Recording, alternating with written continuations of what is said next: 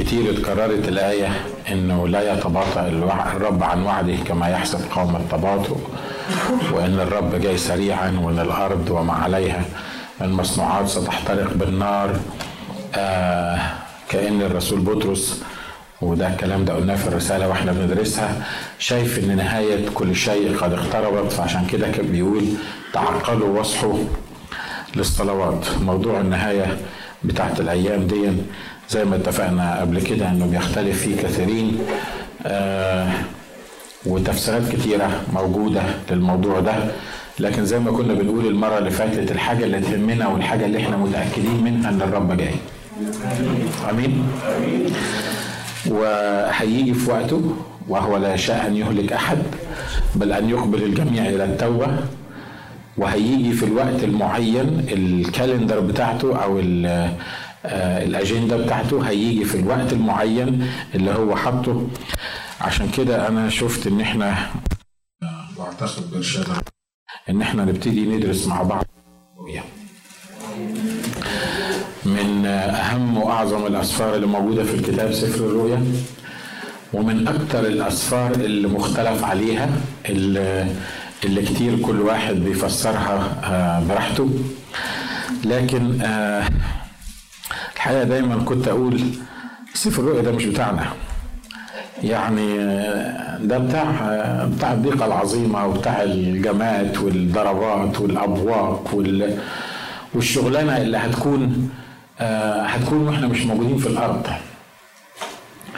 أنا مش بقلل طبعا من أهمية سفر الرؤيا لأنه سفر في الكتاب وحاجة مهمة جدا إن إحنا ندرسها. لكن الناس الناس مرات كتيرة عايزة تسمع سفر الرؤيا علشان تعرف المجهول. عشان سفر الرؤيا فيه رموز كتيرة وعليه اختلافات كتيرة فالناس عايزة تدرسه آه عشان تعرف عشان تعرف إيه اللي بيحصل إيه اللي بيتقال آه إيه الاختلافات اللي موجودة. الحقيقة لو إحنا وي ابروتش أو إحنا جينا للسفر الرؤيا بالروح دي إن إحنا بس عايزين نعرف إيه هو الفرس الأحمر والفرس الأخضر وال والجماد والضربات والملائكة والرايح واللي جاي بس عشان نحس يعني إن إحنا فاهمين إن إحنا بنفك رموز الكتاب ده هنبقى عملنا غلط كبير. لكن سفر الرؤيا كتبه يوحنا الحبيب زي ما كلنا عارفين تلميذ الرب يسوع وقريب الرب يسوع في الجسد واللي كتب إنجيل يوحنا واللي كتب الثلاث رسائل بتوع الرسالة الأولى والثانيه والثالثه بتوع يوحنا هو اللي كتب سفر الرؤيا.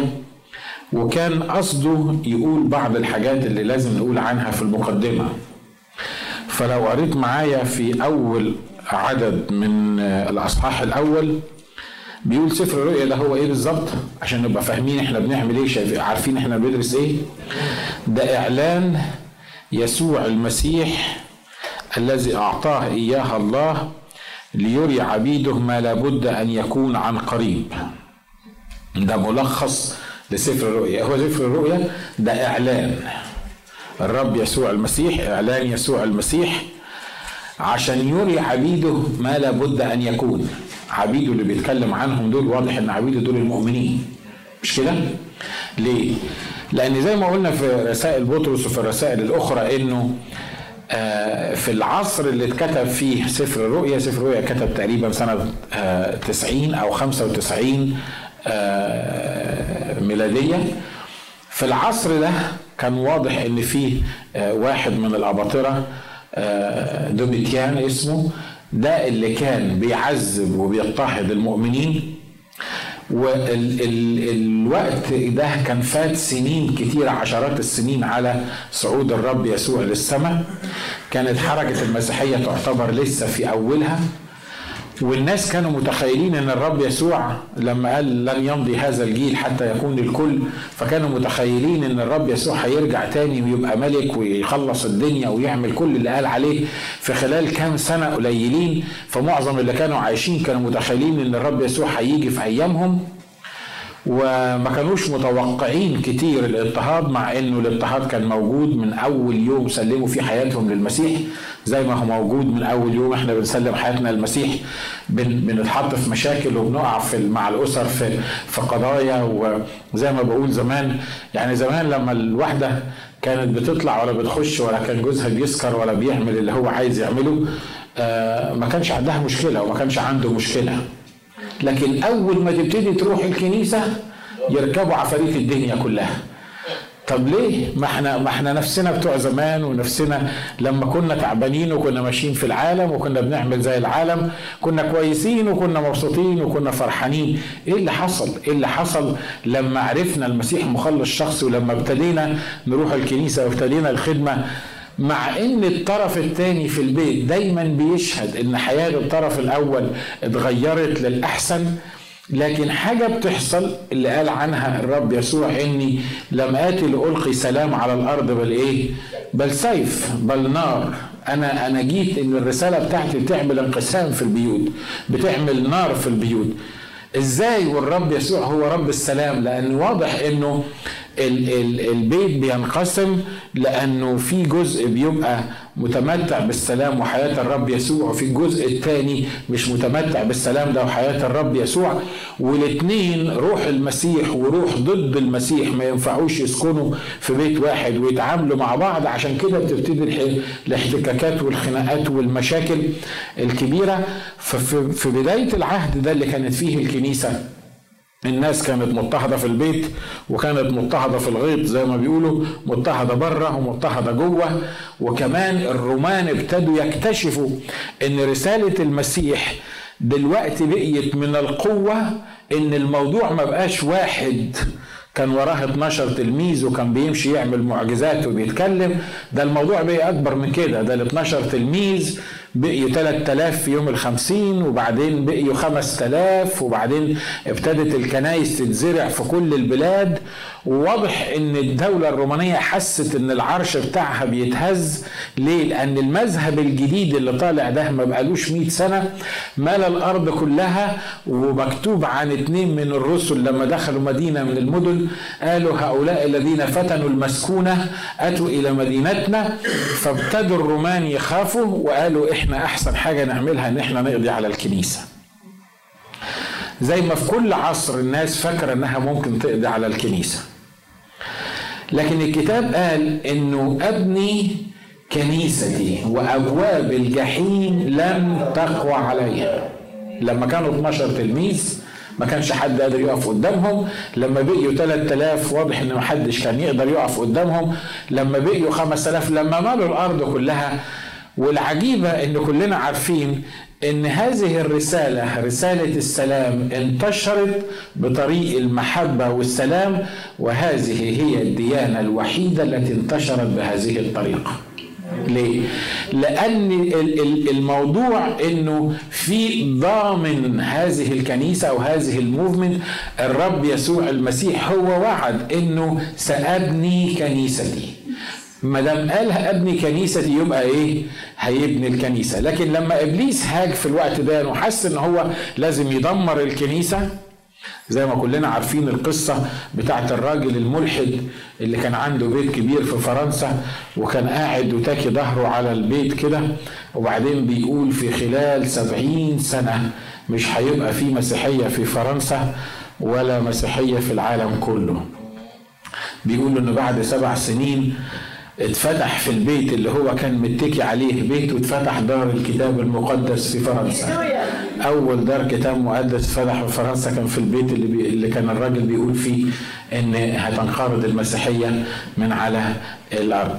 واللي حصل إنه ابتدوا يضغطوا على المسيحيين ولما ابتدوا يضغطوا على المسيحيين والكنيسة واضح إن إبليس دايما يتطوع في المناسبات اللي زي دي ويقول لك الله مش هو المسيح قال أنا آتي سريعا؟ مش هو قال انه هو هيبني كنيسته؟ مش هو قال قبل ما يطلع أنا معكم كل الأيام وإلى انقضاء الظهر فين دلوقتي؟ فين الكلام اللي كان بيقوله؟ زي ما بطرس الرسول مرة قال له الكلمات دي لما الرب اتكلم عن جسده ومأكل الحق وإزاي اللي ياكل جسده يعيش بيه وبعدين الناس ابتدت تنصرف من وراه قال له الكلام اللي أنت بتقوله ده صعب. فالرب بيقول لهم لعلكم أنتم أيضا تريدون أن تمضوا؟ فرد عليه الرسول بطرس قال له إلى أين نذهب؟ وكلام الحياة الأبدية هو إيه؟ عندك. لا إحنا تو ليت علينا. إحنا ما نقدرش نذهب لأن إحنا بعنا كل شيء زي ما بيقول الكتاب وتبعناه. والرب قال للرسول بطرس كده قال له الشيطان طلبكم لكي يغربلكم كإيه؟ كالحنطة. عارف طلبكم كده يهزكم عشان يغربلكم عشان ببساطة كده باللغة البسيطة عايز يخلص عليكم. الشيطان طلبكم عشان إيه؟ يخلص عليكم. قال له لكني طلبت لأجلك لكي لا يفنى إيه؟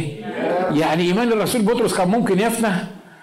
واضح إنه كان ممكن يفنى بدليل إن الرب بيقول له أنا طلبت علشانك لأن أنا عارف إن الشيطان طلبكم عشان يغربلكم كم حطة لكن أنا طلبت علشانك لكي لا يفنى إيه؟ لكي لا يفنى إيمانك.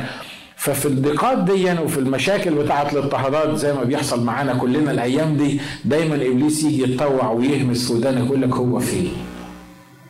هو فين الكلام اللي بيقوله لكم من على المنابر؟ هو فين اللي بيقولوا لكم إن أنا آتي سريعا؟ ما هو قالوا الكلام ده من 2000 سنة. وواضح إنه في في العهد القديم مفيش تعليم واضح في اليهودية عن ما بعد الموت.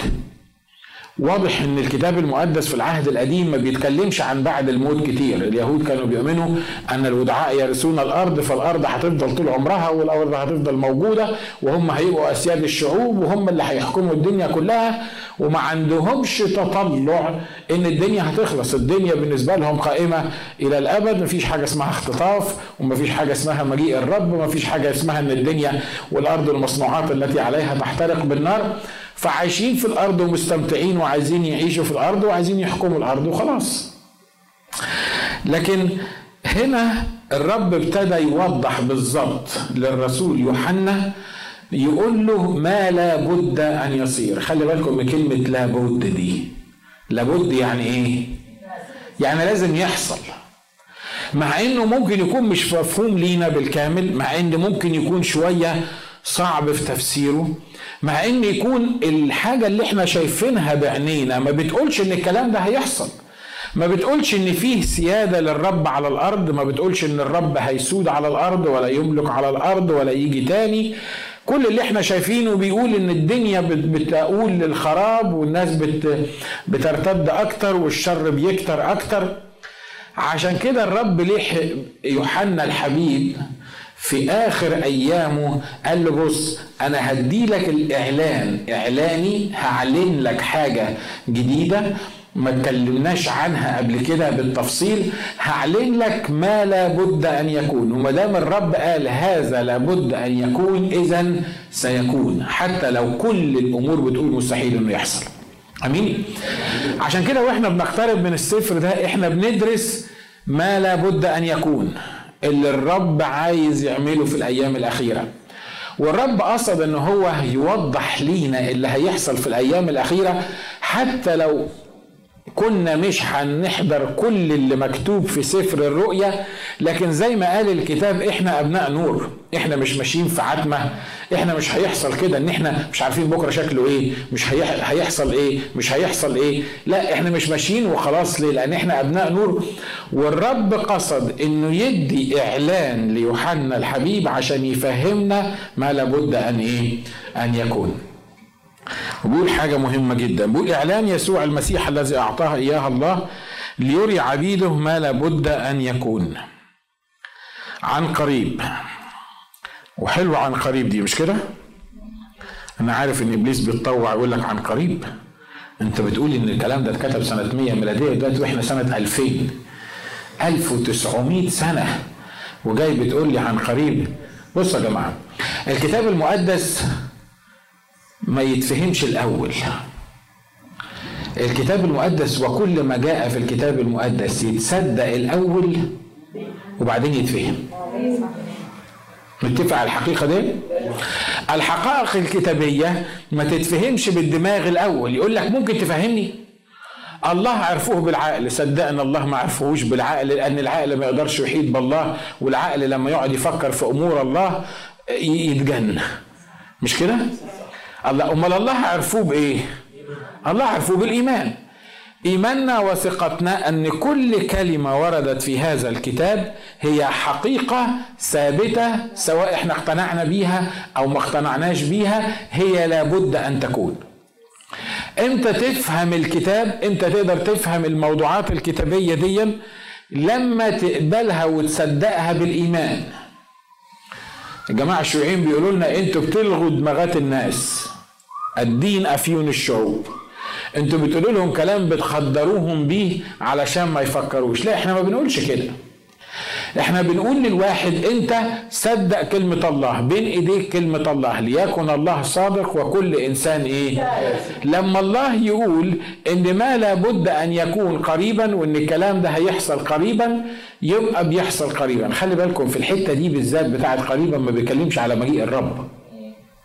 بيتكلم عن إيه؟ عن كل ما دون في سفر الإيه؟ في سفر الرؤيا. سفر الرؤيا زي ما هنشوف بعد كده ابتدى يتدون فيه ال stories أو الحكايات أو ال facts بتاعة الكنائس المختلفة. فبيتكلم عن كنيسة أفسس وكنيسة فيلادلفيا وكنيسة سميرنا وكنيسة برغاموس والكنائس دي. والكنائس دي أصلا كانت موجودة فين؟ كانت موجودة في الأيام اللي يوحنا الحبيب كتب فيها الكلام ده. واستمر الموضوع ده بيستمر بعد كده لغاية السماء الجديدة والأرض الجديدة اللي كتب عنها الرسول إيه؟ بطرس. بيقول ما لابد أن يكون عن قريب. قريب ده بالنسبة لمين؟ قريب ده بالنسبة للرب. مش كده؟ ها؟ لأن الرب ما عندوش قريب وبعيد وماضي وحاضر ومستقبل. الرب بيشوف الحاجة المخلوقة من آلاف بل ملايين السنين كان لها معمولة النهارده. والحاجات اللي هيعملها بعد ملايين السنين قدامه موجودة النهاردة. عشان كده الآية اللي بتغيظ كثيرين اللي بتقول إن يوم يوم عند الرب كألف سنة وألف سنة كيوم. واضح إن إحنا لما نحب نستعجل الحكاية نقول ألف سنة عند الرب كيوم. لكن ما بنحبش حكاية يوم ألف سنة دي مش كده؟ ما نحبش إن إحنا نمطها نحب نعمل لها compression يعني بس خلي بالكم إن الآية بتقول كده إنه ألف سنة كيوم ويوم كألف إيه؟ سنة ف, ف يعني لازم تاخد الاثنين مع بعض فبيقول ما لابد أن يكون عن قريب وبينه مرسلا بيد ملاكه لعبده إيه؟ لعبده يوحنا الذي شهد بكلمة الله وبشهادة يسوع المسيح بكل ما رأى وهنا عايز يقول يا جماعة اللي كاتب الكلام ده ده ما هوش واحد سمعه عن واحد تاني نقله ده ما هياش قصة اتحكت له وهو بينقل القصة اللي اتحكت له لا ده ده من ساعة ما ابتدى الرب يسوع يبتدي الخدمة بتاعته وهو معاه ومن أول الناس اللي ادعوا علشان يتبعوا الرب يسوع كان هو مين؟ كان يعقوب وإيه؟ ويوحنا. يعني تقريبا نقدر نقول من اليوم الأولاني لخدمة الرب يسوع على الأرض كان يوحنا الحبيب موجود معاه فضلا عن إنه كان من من أقربائه. وآخر واحد لزق فيه حتى عند الصليب كان مين؟ كان يوحنا الحبيب. وعشان كده اتمنوا على أمه وقال له هذه أمك وكلنا عارفين القصص اللي موجودة دي. فيوحنا هنا بيقول يا جماعة خلي بالكم إن أنا كاتب أنا مش مجرد بنقل قصه أنا شفت الكلام ده أنا عشت مع الرب. والقانون اليهودي بيقول على فم شاهدين أو ثلاثة تقوم كل كلمة كانت الشهادة بالنسبة لهم مهمة جدا. مش زي الأيام دي اللي تروح المحكمة تقول اللي أنت عايزه صح غلط ما ما بتعرفش تصدق مين الكذاب ومين الصح. وتعمل حادثة تلاقي الاثنين بيقول لك ده اللي ضربني وده يقول لك ده اللي ضربني. ويمكن واحد يقول لك مثلا نزلت طيارة من السماء ضربتنا إحنا الاثنين والكذب اللي, اللي ممكن يتقال. لكن بالنسبة لليهود ده كان موضوع مهم جدا لسبب. لأن زي ما كان فيه وصية في العهد القديم بتقول لا تقتل ولا تسرق والوصايا العشر بيقول لا تشهد إيه؟ لا تشهد بالزور والكتاب بيقول إن اللي يشهد بالزور على قريبه يحصل له إيه؟ يرجم أنتوا معايا؟ فعشان كده فضلا عن إن يوحنا الحبيب ده واضح إن هو صادق وبيتكلم بالروح القدس من أجل محبته لكن في الوقت نفسه بيقول أنا شاهد عيان لو انت رحت تشهد في قضية وبعدين سألك القاضي شفت الكلام اللي انت بتقوله ده؟ قلت له لا. امال جبته منين؟ واحد كان واقف حكاهولي متهيألي شهادتك مش هتقبل. مش كده؟ لكن هم عايزين شاهد يكون واقف لما يسألوا عن اللي حصل يقول أنا شفت الكلام ده. أنا سمعت الكلام ده. أنا قابلت الشخص ده وده اللي بيحاول يقوله لنا. يوحنا الحبيب هنا. بس خلي بالكم كمان بحاجة مهمة. الكتاب مش محتاج لمين يشهد عنه. يوحنا شهد عنه ما شهدش عنه. لا الكتاب ولا كلمات الرب محتاجة لمين يشهد عنها. لكن الرب بيحط الكلام ده وبيأكده لينا ليه؟ علشان إحنا المؤمنين بيحطه عشاننا إحنا مش عشان كلمة الرب. آمين؟ الرب يسوع كده قال أنا مش محتاج حد يشهد عني. أنا أنا الأعمال اللي أنا بعملها الحركة اللي أنا بتحركها في الأرض هي تشهد عني. أنا أنا مش مش محتاج حد يشهد عني. لكن هنا بيقول كده إنه الذي شهد بكلمة الله وبشهادة يسوع المسيح. وشهد بكلمة الله دي واضح إن الرسول يوحنا كان بيشهد بكلمة الله في ظروف قاسية جدا. وكان بيعاند الرؤساء وال وال والسلاطين اللي موجودين بدليل إن زي ما إحنا عارفين إن الرسالة دي اتكتبت من المنفى. فهذا الرجل كان أمين على كلمة الله والشهادة لكلمة الله. حتى لو كلفته الشهادة دي إن هو ينفى ويبقى في جزيرة بطمس. وجزيرة بطمس دي دلوقتي مزار بيروحوها. لكن زمان بيقولوا إن دي كانت المنفى اللي بينفوا فيه اللي عايزين يموتوهم ببطء. وكانت المنفى بتاعت الناس اللي بيغضب عليهم الإمبراطور شخصيا. واضح إنه لما الإمبراطور شخصيا يغضب على حد ويحطه في جزيرة بطمس تقدر تتخيل أنت ما في هذه الجزيرة من من مآسي. وواضح إن هو ما كانش نازل في أوتيل خمس نجوم ومعرفش إزاي كان بياكل. ولما تقرأ حتى الرسالة دي أنت تشوف الرب إزاي ابتدى يتعامل معاه فهذا الرجل اللي استحمل عشان شهادة الرب يسوع المسيح. كل هذه الاضطهادات والالام هذا الرجل اللي شاف وعاش مع الرب يسوع المسيح وسمع تعاليمه هذا الرجل اللي بيفيض محبة من جواه وصدق لما يشهد ويقول إن أنا شفت الكلام ده والكلام ده هيحصل يبقى كل فم زي ما بيقول الكتاب يستد وكل واحد يقول فعلا الكلام اللي موجود في ده هيحصل. آمين؟ بيقول الذي شهد بكلمة الله وبشهادة يسوع المسيح بكل ما رآه. ده شاهد عيان زي ما قلنا. عدد ثلاثة ده سبب برضو من الأسباب اللي إحنا بندرس عنها عشانها السفر ده واللي اتكتب عشانه السفر ده. بيقول طوبى للذين للذي يقرأ. والذين يسمعون أقوال النبوة ويحفظون ما هو مكتوب فيها لأن الوقت إيه؟ قريب. طوبى ليهم يعني يا بختهم. يعني سعادتهم يعني حاجة تفرحهم حاجة تخليهم فرحانين.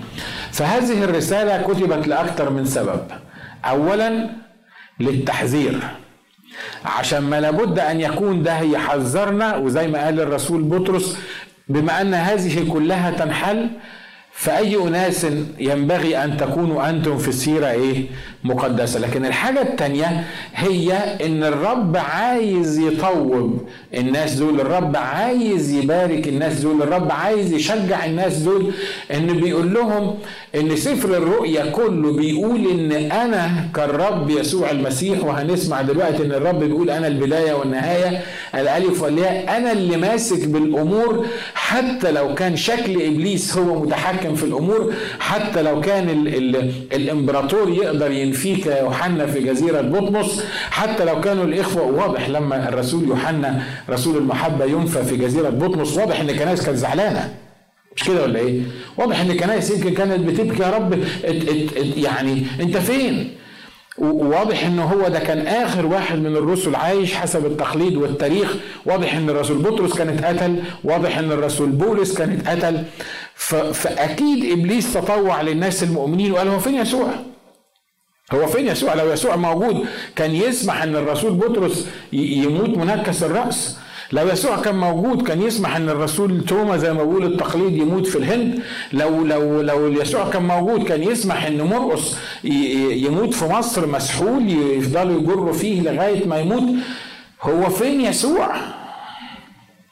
يا ترى حد بيسأل السؤال ده الليلة دي خلي بالكم إحنا إحنا مش بس بندرس سفر الرؤيا لكن إن ما كانش ده يتطبق على حياتنا ها تبقى مشكلة مش كده ولا إيه؟ مرات كتيرة أنا عارف إن أنتوا يمكن تكونوا قديسين وأهل بيت الله وناس ما, ما بيجيش الأفكار الشريرة دي على دماغكم بس مرات بتيجي على دماغي أنا مرات بتحصل معايا أنا لما ببقى في الموقف ده أقول أنت فين؟ ما يعني ما لازم تعمل حاجة وخصوصا لما أسمع حد بيوعظ من على المنبر وبيشجعني يقول الرب قريب. الأخ اللي بيتكلم ده ما هو ده مش فاهم حاجة في الدنيا. أصله ده هايص ده ما عندوش مشاكل. ما هو ده لو عنده المشكلة اللي أنا موجود فيها ما كانش وقف على المنبر وقال الرب قريب. لا متهيألي ما حدش فينا ما عندوش مشاكل. مش كده؟ لكن لما الرب يقول إن أنا هو قريب يبقى هو إيه؟ يبقى هو قريب. حتى لو جه إبليس يشكك في الموضوع ده الكتاب هنا بيقول طوبى للذي يقرأ والذين يسمعون أقوال النبوة. يعني بختكم يا جماعة يلي بتسمعوا أقوال النبوة ديا وللي بيقرأ هذه النبوة. عشان كده أنا عايزك لما تروح بيتكم اقعد اقرأ في النبوة دي عشان لما الرب يقول طوبى لك صدقني لما تقراها هتاخد غبطة وسعادة لأن الكلام بتاع الرب بيتحقق حرفي. أمين. طوبى للذي يقرأ والذين يسمعون أقوال النبوة ويعملون إيه كمان؟ ويحفظون ما هو مكتوب فيها. أشكر الله إن إحنا الرب يسوع ما قالناش نحفظ الكتاب المقدس. إحنا مش الديانة اللي بتحفظ الكتاب بتاعها. لأن الكتاب بتاعنا مكتوب بطريقة له شعر وله ولا هتعرف تحفظه ولا هتعرف تخلصه ولا هتعرف تختمه ولا هتعرف تخش بيه مسابقات. فنشكر الله إن هو ما قصدش الحكاية دي. مش عيب إن إحنا نحفظ حتت من الكتاب. ويا بختك لو حفظت حتت من الكتاب لو على قد ما تقدر. ويا بختك لو عملت كده وأنت صغير عشان لما توصل للسن الكبير مش هتعرف تعمل كده. لكن خلي بالك لما الكتاب هنا بيقول ويحفظون ما هو مكتوب فيها معناها يعملوا باللي مكتوب فيه. عشان كده الرب قال إن اللي يسمع وصاياي وإيه؟ ويحفظها ويعملها هو ده التلميذ الحقيقي هو ده الشخص اللي الرب عايز يتعامل معاه مش بس يسمعون أقوال النبوة ويحفظون ما هو مكتوب فيها لأن الوقت إيه؟ الوقت قريب، وقت تحقيق هذه النبوات قريب، يبقى هو في ثلاث أعداد قال لنا مرتين إن إيه؟ الرب قريب والوقت قريب. عدد أربعة بيقول يوحنا إلى السبع الكنائس التي في آسيا، واضح إن ده يوحنا كان واضح جدا في العدد الأولاني ما قالش إن ده إعلاني أنا ولا الوعظة بتاعتي للسبع كنائس، لكن ده قال إيه؟ إعلان يسوع المسيح. لكن واضح إن هو بيكتب بيقول أنا المسؤول عن الكلام ده لأن أنا يوحنا اللي كاتب الكلام ده اللي شفته عشان كده ماضي اسمه هنا بيقول يوحنا إلى السبع الكنائس التي في آسيا. نعمه لكم وسلام من الكائن والذي كان والذي يأتي ومن السبعة الأرواح التي أمام عرشه.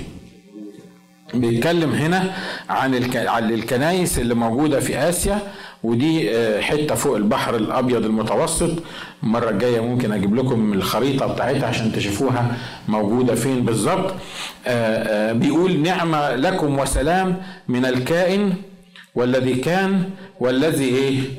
مين هو ده؟ الكائن والذي كان والذي إيه؟ يأتي. هو هنا ما قالش في في العدد ده أن بصريح العبارة كده إن المسيح هو الله الظاهر في الجسد. ما قالش كده مش كده؟ لكن واضح إن هو عايز يقول إيه؟ لما بيقول انه الكائن وكلمة الكائن معناها الكائن بذاته معناها اللي محدش خلاه كان محدش عمله محدش خلقه ده الكائن بذاته القائم بذاته والقائم بذاته والكائن بذاته ما ينفعش يكون غير إن هو الله. بيقول من الكائن والذي كان والذي يأتي. لما بيتكلم عن الكائن بيتكلم عن وجوده كالله من الأزلي الابدي والذي كان ده هنا في الماضي بيتكلم عن واحد كان بيتكلم عن مين؟ بيتكلم عن يسوع برضه. تقول لي هو يسوع كائن ولا كان؟ واضح إن هو كائن على الكل زي ما بيقول الكتاب. إله كبير موجود كائن مستمر لا بداية له ولا نهاية. لكن في الوقت من الأوقات حسب الجسد كان. الكتاب بيقول إن إحنا دلوقتي لا نعرف الرب يسوع حسب إيه؟ الجسد. إحنا ما نعرفش الرب. ما حدش فينا شاف الرب يسوع. بالنسبة لنا الرب يسوع حسب الجسد كان على الأرض من ألفين سنة. كان ماشي على الأرض من ألفين سنة. عشان كده هنا ما قالش بس صفة واحدة من صفاته لكن قال ده الكائن والذي كان والذي إيه؟ عاملة زي الفزورة دي مش كده؟ ها؟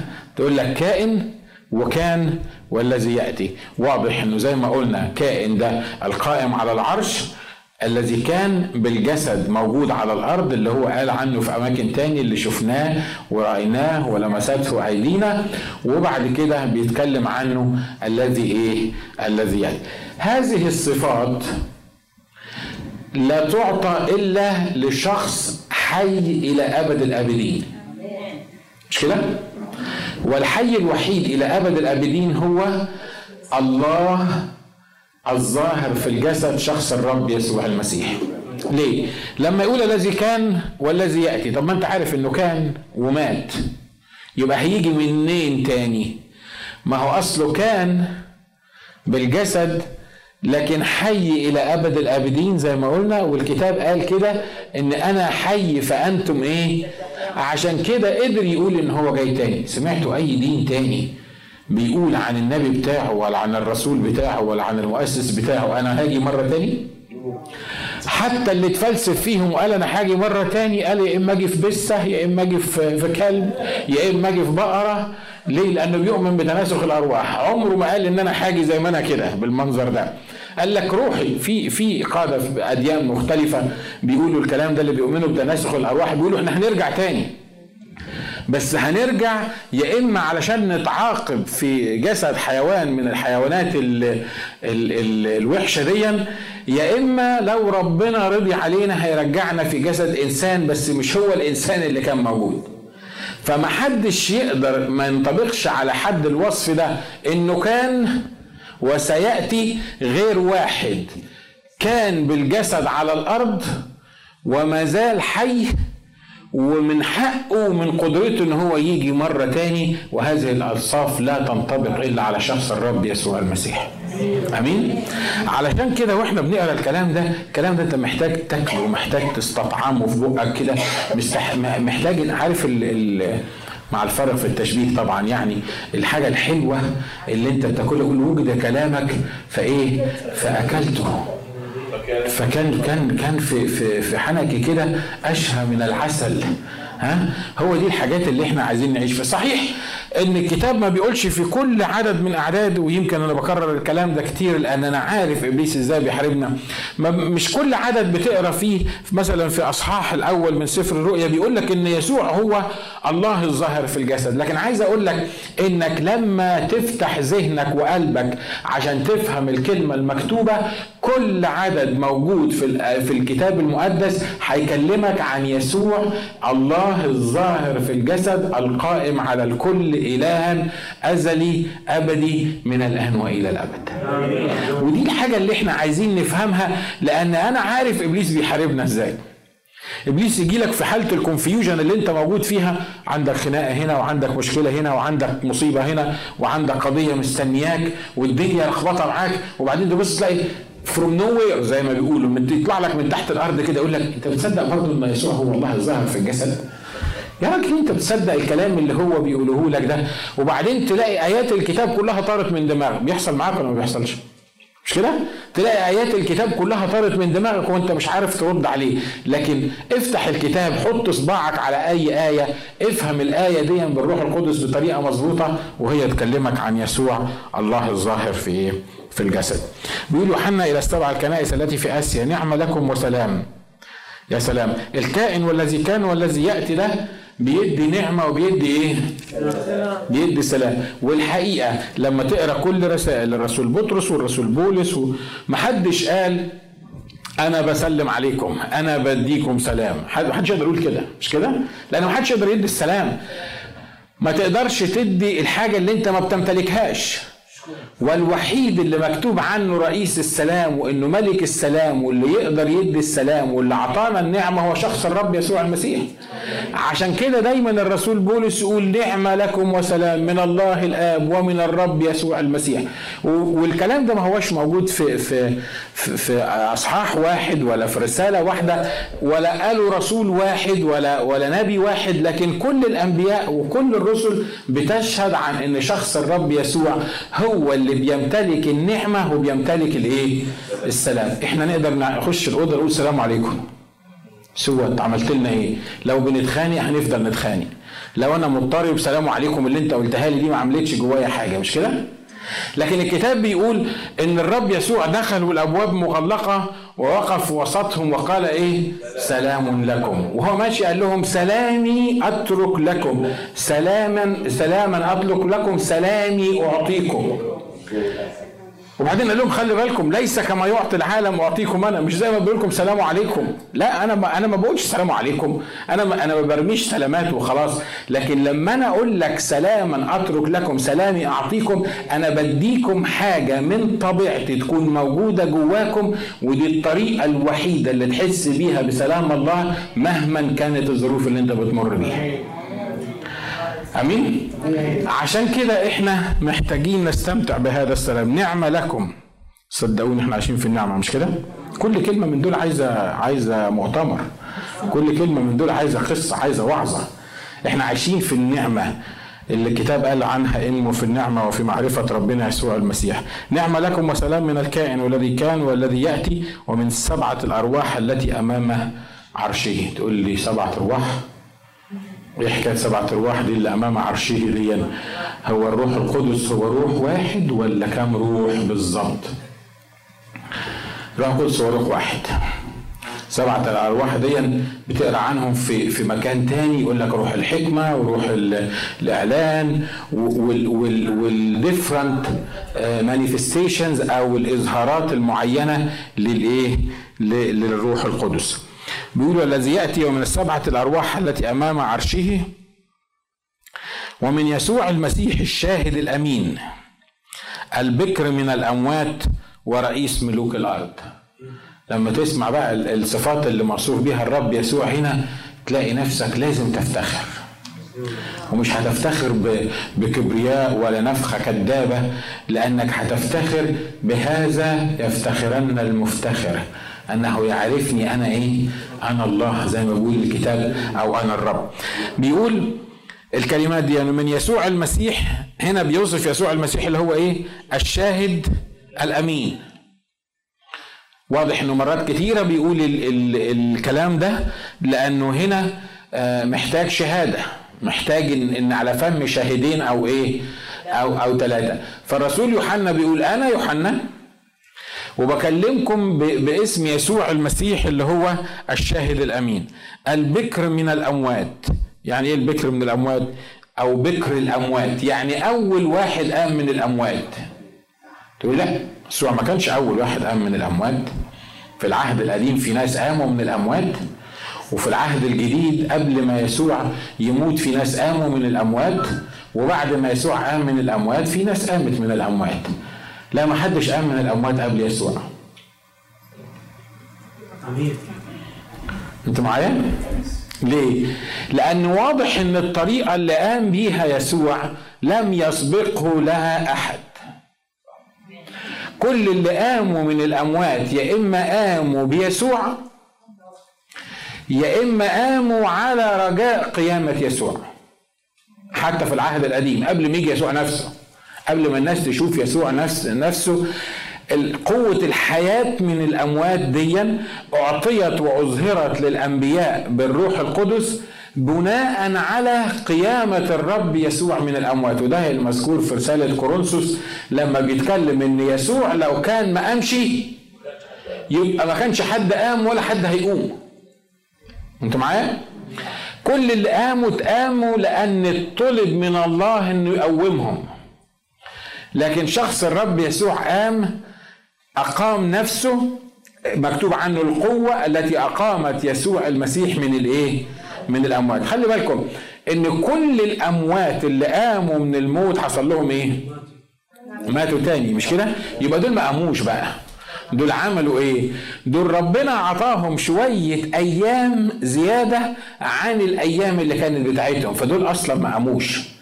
لكن اللي قام من الأموات واللي نقدر نقول عليه إن هو قام فعلا من الأموات وبكر القائمين من الأموات هو الشخص الذي لا يستطيع الموت أن يسود عليه ولا يستطيع الموت أن يمسكه ولا يستطيع الموت إنه مرة تاني يجيبه ويموت. واضح؟ عشان كده لما بيقول البكر من الأموات معناها إنه أول القائمين من الأموات بالطريقة دي.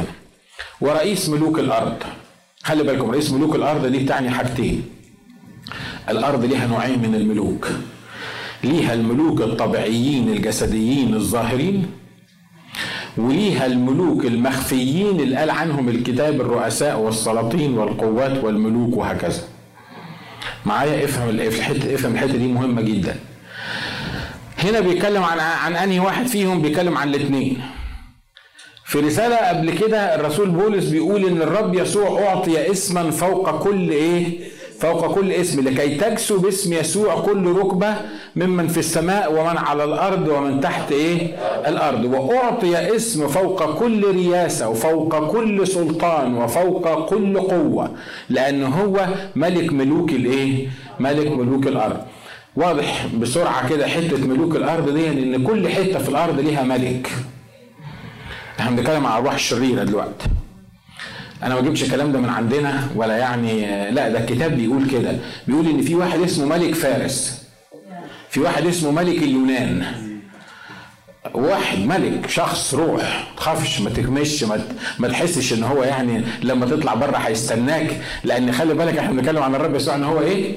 ملك ملوك الأرض. أنا عارف إن جسم البعض بينمل يمكن دلوقتي وبيح... لا بس خلي بالك إن الكتاب بيقول هنا إن هو ملك الملوك ورب الإيه؟ الأرباب. هو المتسلط في مملكة الناس. الرب بعت رسالة لدانيال طلع له ملك فارس عطله 21 يوم. مين اللي شاف ملك فارس ده؟ محدش شاف ملك فارس. لكن لما ميخائيل جه عشان يعمل حرب مع الملك دون وبعدين الرسالة وصلت دانيال الملاك قال له أنا كنت جاي لك من 21 يوم وبعدين وقف قدامي قبلاتي ملك فارس وبعدين الرب بعت لي ميخائيل عشان يحاربه. موضوع أكبر من دماغك وأكبر من دماغي. ما تقعدش تفكر فيه وما تتعبش فيه بس افهم كده إن كل حتة في الأرض ليها ملك. كل مملكة في الأرض ليها ملك.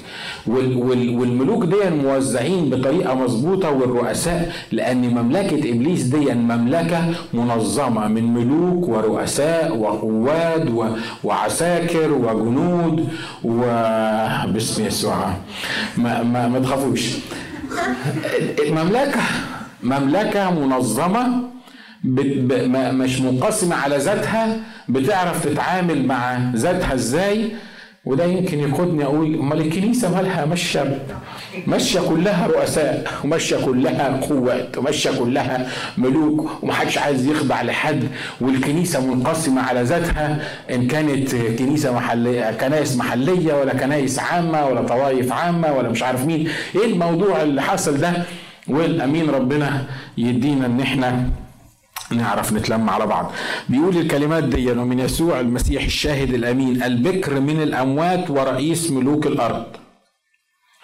واو ده خوف ده. البكر من الأموات ورئيس ملوك الإيه؟ الأرض. هتعامل معاه إزاي ده؟ تقترب منه إزاي ده؟ ده ده لو ملك بس مش ملك الملوك مش رئيس الملوك. لو ملك بس ما تعرفش تخش له ما تعرفش تتكلم معاه. لكن الرسول بيقول لا.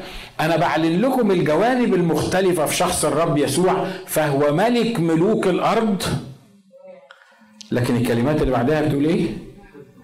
الذي أحبنا. وقد غسلنا من خطايانا بدمه. وجعلنا ملوكا وكهنة لله. أبيه له المجد والسلطان إلى أبد الإيه؟ الأبدين. عشان كده يسوع ده مش مجرد ملك ملوك الأرض ما هواش الشخص وأنا برثي للناس اللي بتتخيل إن الله الشخص الجالس على العرش الكبير العظيم المتسلط المتجبر الجبار النيمت. وما نقدرش إحنا الخلائق نعمل علاقة معاه ما نقدرش نقترب بيه لأن ده الله الكبير. ما نقدرش نفكر فيه ما نقدرش نتكلم معاه ما نقدرش نقول له إن إحنا بنحبك. صدقني لو ما تقدرش تقول له إني بحبك الرسول يوحنا بيقول لك الذي أحبنا.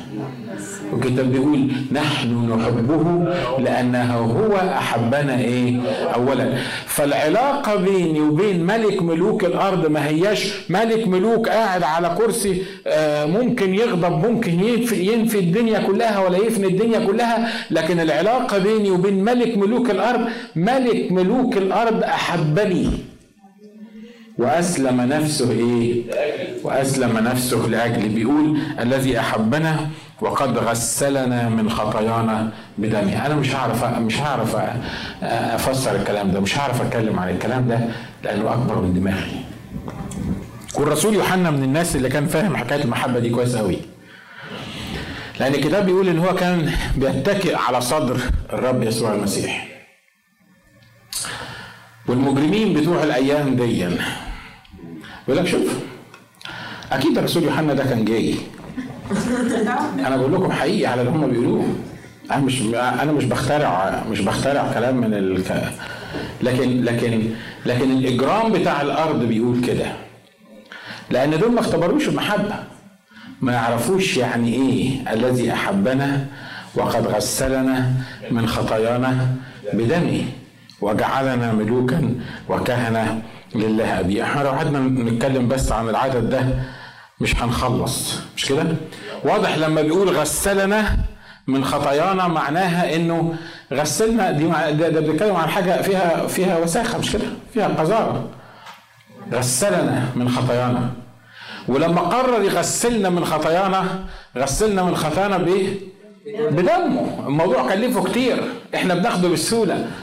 سامحني. Forgive me. أنا غلطت. ما أسهل الكلمات دي وهي بتتقال.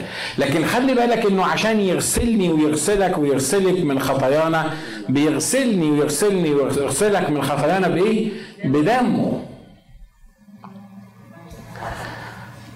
طب إحنا ناس مجرمين وناس مش نضاف وغسلنا من خطايانا بدمه. لو بس على الحكاية دي عمل كده ده إحنا نبوس رجله ليل ونهار. اشكرك لأنك غسلتنا من خطايانا بدمك اشكرك لأنك غفرت خطيتنا. اشكرك لأنك محيت اثامنا نشكرك لأن زي ما قلت مررت بينا في زمان الحب. لكن العجيب في الآية دي انه مش بس غسلنا من خطايانا بدمه لكن جعلنا ملوك وكهنة. أهو ده اللي ما يتفهمش طب غسلنا من خطايانا بدمه لأن إحنا ما كناش هنعرف نغسل نفسنا إحنا مش نضاف أنا بتكلم عن نفسي مش نضيف وما أعرفش أطهر نفسي ما أعرفش أغسل نفسي ما أعرفش أغفر خطيتي لو عمل معايا بس الحاجة اللي أنا مش قادر أعملها وغفر خطيتي وغسلني يبقى كتر خيره وعمل معايا كتير. لكن الكتاب في سفر حزقيال بيقول لك مررت بيكي في زمان الحب عمل معانا إيه؟ بيقول لك لما أنت اتولدتي ما لقيتيش حد يعتني بيكي زي أي بيبي حتى مولود على الرصيف ممكن حد يعتني بيه بأي شكل. لكن بيقول لما انت اتولدتي بيكلم إسرائيل وبيكلمني وبيكلمني. بيقول لما اتولدتي ما لقيتيش حد يعتني بيكي. كنت ملقية على قريعة الطريق بكراهة نفسك. كنت بدمك ما حدش غسلك ساعة ما ما ما ما, ما جيتي. لكن أنا مررت بيكي في زمان الحب وقلت لك بدمك عيشي رغم إن أنت الدم ده اللي ما تغسلتيش بيه كان لازم تموتي لكن أنا غسلتك وجعلتك تصلحي لإيه؟ جعلتك تصلحي للمملكة. إيه اللي بيخلي الله ياخد إنسان من الزبالة زيي ويعمله إيه؟ يعمله ملك وكاهن. ده الحقيقة ملوش تفسير وملوش توضيح. لأن الكتاب قال هكذا أحب الله العالم حتى بذل ابنه الوحيد لكي لا يهلك كل من يؤمن به بل تكون له الحياة. آه لو الناس ما عرفتش المسيح فهمت الكلام اللي أنا بقوله ده. للأسف إن ممكن حتى ما فهموش آه لو عرفوا إن الرب يسوع لما بيدعي واحد بيدعوه علشان يغسله من خطاياه وعشان يعمله ملك. تقول لي ده منظر ملوك ده؟ إحنا منظر ملوك ما إحنا ما نستاهلش صدقوني ولا نكون حتى صعاليق ولا شحاتين في مملكته. لكن أحبنا وغسلنا من خطايانا بدمه ولما الكتاب يقول جعلنا ملوك وكهنة أبقى أنا ملك وكاهن غصب عن عين أي إبليس موجود في الدنيا دي. أنت صدقت وما صدقتش أنت ملك وأنت ملكة. الموضوع مش متروك لينا إحنا نصدق ولا ما نصدقش لكن الكتاب قال جعلنا ملوك وكهنة فنحن ملوك وإيه؟ وملوك وكهنة. تعليق بسيط. إن كنا ملوك وكهنة فمالنا عايشين زي الشحاتين. شهيد ملك يعيش شحات. لما بيقول ملك هو بيقصد كل ما في ذهننا عن الملك. خلي بالكم إحنا مش هنقدر نفهم اللي في ذهن الله. لكن الله بيحاول يبسط لنا الحقائق بإنه يحطها باللغة البسيطة اللي إحنا بنفهمها. فلما بيقول لك خلاك ملك فكر في الملك فكر في الغنى بتاع الملك فكر في السلطان بتاع الملك. فمين يقدر يعاند الملك؟ ها؟ مين يقدر يخوف الملك؟ أمال لو كنا ملوك مال شيطان صغير بيمشي ورانا كده يخوفنا ويرعبنا ويقول لنا بخ وما تقدرش تمشي ومش اما أنت ما وأنا وأنت ما تتصرفش كالملوك. صح؟ لأن لو تصرفنا كالملوك لو فهمنا إحنا فين في في في عرش الله وفي خطة الله وفي علاقتنا بالله كنا هنتصرف زي الملوك. لكن للأسف لأن إحنا مش فاهمين كده فحتى الغنى اللي الرب عطاه لنا في شخص الرب يسوع المسيح إحنا مش قادرين نستمتع بيه لأن إحنا مش عارفين مكانتنا في المسيح. ممكن تبص للي جنبك وتقول له أنا ملك في المسيح. قول اعلن الحقائق دي قول أنا ملك في المسيح. أنا ملك في المسيح. وأنت كمان؟ امين وجعلنا ملوك وكهنة لله ابيه طب ملوك دي حلوة ملوك دي وكهنة دي نعمل فيها إيه؟ خلي بالكم ملوك لها علاقة بالله منا وبين الله. كهنة لها علاقة بالإخوة. الله عايز يحطني في جسده كاهن. والكاهن ده شغلته يعمل إيه؟ المفروض يتشفع لأجل الناس مش كده؟ لما تشوف الكاهن في العهد القديم ما كانش خطايا ممكن تتغفر إلا عن طريق الكاهن لما يجيبوا له الحمل ومش عارف مين، الرب جعلنا كهنة، خلي بالكم في حاجة اسمها كهنوت جميع المؤمنين، في حاجة اسمها أنتم أمة مقدسة كهنوت إيه؟ كهنوت ملوكي، بيتكلم عن مين دول؟ ما بيتكلمش عن ناس معينين حطوا نفسهم أو حطوهم الناس وسموهم كهنة أو سموهم أسوس أو سموهم آه إخوة أو سموهم وات التسمية اللي خدوها لكن بيتكلم عن كهنوت جميع المؤمنين ده عايز يقول ببساطة إن في العهد القديم قبل ما يجعلنا ملوك وكهنة لله أبيه قبل ما نعرف يسوع مخلص شخص لحياتنا ما كانش لينا قدوم بيننا وبين الله مباشرة انت معايا لأن هتقول لي الله طب وانت وانت هتستفيد إيه بحكاية الكاهن دي؟ انت فاضي تشتغل كاهن؟ انت عندك حاجات كثيره تاني ممكن تعملها فهتستفيد إيه بحكاية الكاهن دي؟ هستفيد بيها إنه لو أنا مش كاهن هبقى محتاج كاهن يدخلني لله. أنتوا معايا يا جماعة؟ ها؟ لكن اللي حصل إنه عمل إيه؟ جعلنا ملوك وإيه؟ فبقيت أنا دلوقتي مش مستني حد يدخلني لله لكن أنا المفروض بخش لله وباخد معايا إخواتي المحتاجين والتعبانين واللي مش قادرين يوصلوا بطريقة أو بأخرى وبدخل بيهم وأقدم عشانهم صلواتي وتضرعاتي للرب ليه؟ لأن أنا كاهن. عشان كده موضوع الكهنة ده موضوع مهم جدا ما عندناش وقت نتكلم فيه بالتفصيل ومش عايزين نزعل حد. يعني دي ما تفرقش كتير بس يعني إيه إحنا عايزين نفهم الأمور دي عشان كده الكتاب بيقول إن لما الرب يسوع قال قد أكمل حصل إيه؟ انشق حجاب الها الهيكل مش من تحت لفوق لأنه ما تشقش من الأرض. الأرض ما تقدرش تشقه. الأرض ما كانش فيه واحد في الأرض يقدر يقترب من حجاب الهيكل ده ولا يبص جواه على التابوت وإلا كان يقتحم اقتحاما immediately. لكن الرب لما شاف الناس كلها واقفة عمالة تبص على حجاب الهيك أنا لو كنت متهيألي موجود بشخصيتي دي كنت آه لو أعرف أخش جوه. أعرف لو أعرف إيه اللي بالظبط حاطينه جوه. أنا بسمع إن في حاجة اسمها التابوت اللي فيه مش عارف إيه وإيه. لكن عمري ما دخلت وما أقدرش أدخل. كان واحد بس رئيس الكهنة يدخل مرة واحدة وليس ب ب يعني ما يخشش من غير دم لازم يخش بالدم عشان يقدر يتراءى قدام التابوت الخشبي الممثل لله.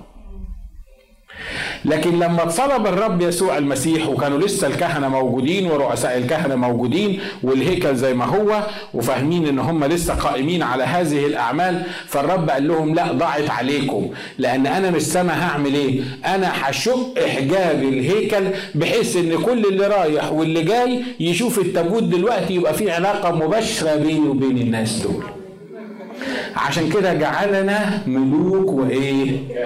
وكهنة. أنا مش هقدر أخلص الكلام عن ملوك وكهنة دي لأني لو أنا اقتنعت وأنت اقتنعت وعشت كملك وكاهن صدقني ما هتبقى عندك مشكلة في الدنيا. أمين. تقول لي إزاي؟ كل مشاكلي هتتحل؟ لا.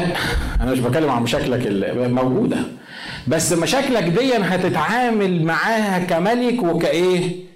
عارفين إحنا مشاكلنا؟ مش عارفين نحلها ليه؟ عارفين ليه مشاكلنا بتدوس علينا لما هتفطسنا؟ عارفين ليه؟ لأن إحنا ما بنتعاملش مع مشاكلنا ومع حياتنا اليومية كملوك وكهنة. إحنا بنتعامل معاها كشحاتين وكناس خايفين وكناس ما بنعرفش غير إن إحنا نندب ونعمل سيلف بيتي ونعمل العقدة ذنب ونبتدي نتعامل مع مشاكلنا بالطريقة دي لكن لو تعاملت مع مشاكلك كملك وككاهن صدقني حياتي وحياتك هتفرق. آمين؟ بعد كده لما تروح أنت تدور على على ملك وكاهن ديا تتصرف بيها. يقول لك وجعلنا ملوكا وكهنة لله أبيه له المجد والسلطان إلى أبد الإيه؟ مين اللي ليه المجد والسلطان إلى أبد الآبدين؟ هو هنا كمان ما قالش إن يسوع هو الله الظاهر في الجسد هتسمعني أقول لك الكلام ده 20 ألف مرة عشان لما تقعد تقرأ الكلام ده افتكر اللي أنا بقوله لكن بيقول له المجد مين اللي يتقال عنه إنه له المجد؟ ولا واحد في الأرض ممكن يتقال عنه كده. ولا حتى الإمبراطوريين الكبار ولا الرؤساء. عمرنا ما سمعنا واحد ماشي بيقول له المجد فلان الفلاني له المجد. مش كده؟ ليه؟ لأن الناس عارفة إن كلمة له المجد دي لا تقال إلا عن شخص الله وحده. وهنا بيقول عن شخص الرب يسوع له المجد. مش بس المجد وإيه؟ والسلطان. يعني إيه يعني إيه ليه السلطان؟ يعني عنده سلطان. عنده سلطان ملك الملك ليه سلطان أما الملك الملوك يبقى سلطانه قد إيه؟ لأن ملك الملوك سلطانه على الملوك أنتوا معايا؟ والرب يسوع قال دفع إلي كل إيه؟ كل سلطان كل سلطان تتخيله من أول الخليقة لغاية آخر حاجة. دفع إلي كل سلطان. الله امال لما الرب يسوع هو اللي ليه السلطان ودفع إليه كل سلطان وأعطانا سلطان أن نصير أولاد الله امال مالنا عايشين زي الشحاتين ليه؟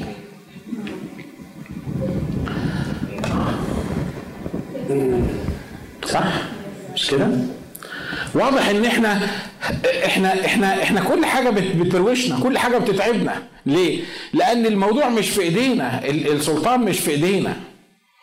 أنا ممكن أعرف في البيت وأعرف في الشغل وأعرف في الشارع وأعرف في كل الدنيا وتبقى عندي مشاكل وابقى مش عارف أتحرك ومش عارف مش عارف أمشي. مش مش مش حر نفسي. ما عنديش سلطان إن أنا أعمل الحاجات دي. خلي بالك إن اللي بيحيا فيك المكتوب عنه إن دفع إلي كل إيه؟ سلطان. وخلي بالك إن مش بس دفع إليه كل سلطان هو عنده السلطان وده كان كفاية لأنه موجود جواه. لكن العجيبة إنه ما احتفظش بس بالسلطان ده لنفسه. لكن قال إيه؟ أعطانا سلطان ان ندوس الحيات والعقارب وكل قوات العدو ودي من ضمن الحاجات اللي تحير. إحنا ناس برضو ينفع يتحط في إيدينا سلطان زي ده. الحقيقة لأ. مش كده ولا إيه؟ لكن هكذا سارت المسار أمامه. لأن هو اللي دفع ليه كل سلطان. فمن حقه إن يدي السلطان ده لأي حد. أما كل الذين قبلوه فأعطاهم سلطانا أن يصيروا أولاد الله أي المؤمنون باسمه. على فكرة ده أعظم سلطان ممكن تاخده من الرب يسوع. عشان كده الرسل لما رجعوا قالوا له حتى الشياطين تخضع لنا باسمك. انت عطيتنا سلطان؟ ما هو اعطاهم سلطان وقال لهم روحوا اشفوا مرضى واخرجوا إيه؟ شياطين. هم فرحوا قوي بالسلطان ده وجايين بيقولوا له حتى الشياطين تخضع لنا باسمك. قال لهم أنتوا مش فاهمين أنتوا بتتكلموا إيه. ما تفرحوش بالموضوع ده افرحوا بالحري لأن أسماءكم كتبت في سفر الحياة معناها ان أنا اعطيتكم سلطان أن تصيروا أولاد الله. لو اعطاني سلطان أن أصير ابنه أنا هختم عند الحتة دي. اما مش هعرف اشرحها صدقوني أنا ما بعرفش أشرح. أنا مرات بحس إن أنا هقول إيه؟ هقول إيه؟ يعني يعني إيه اللي ممكن يتقال؟ خلي الروح القدس يشرح لك انت إيه في المسيح. خلي الروح القدس يفهمك انت إيه بالظبط في المسيح. خلي الروح القدس ياخدك كده لمحة بسيطة بس انت مش هتستحمل ما هو وبعدين مخنا كلنا ضيق. مش هنعرف نجيب الحاجة بس خلي الروح القدس يفهمك عن السلطان اللي ليك في المسيح. عن انك سلطان. الكتاب بيقول ان كنتم في المسيح أنتم إيه؟ أنتم ورثة. إحنا لينا سلطان. لينا سلطان أن ندوس الحيات والعقارب. مين الحيات والعقارب دول؟ كلنا عارفين إن هما قوات الشر الروحية مش كده؟ لينا سلطان. طبعا حلو قوي إن إحنا على المنبر نقول لينا سلطان أن ندوس الحيات والعقارب. والحقيقة الصراصير مش الحيات والعقارب. ممكن تروشك دبانة. تخش بيتكم تلاقي نفسك بتلف حوالين نفسك. امال حيات وعقارب والكلام الكبير اللي أنتوا عاملين تقولوه لنا ده؟ الكلام الكبير ده حقيقة. الكلام الكبير ده حقيقة لأن الرب قال ونطقه وعطانا السلطان ده. المشكلة مش فيه المشكلة فينا إحنا اللي مش عارفين نستخدم السلطان بتاعنا. وبعد كده نيجي نزن ونعيط ونشتكي ونقول وبيحصل وما بيحصلش ومش قادرين وخايفين وبكرة وبعده والمشكلة والمصيبة واللي بينتظرنا. مجدا للرب. واجعلنا ملوكا وكهنة لله به.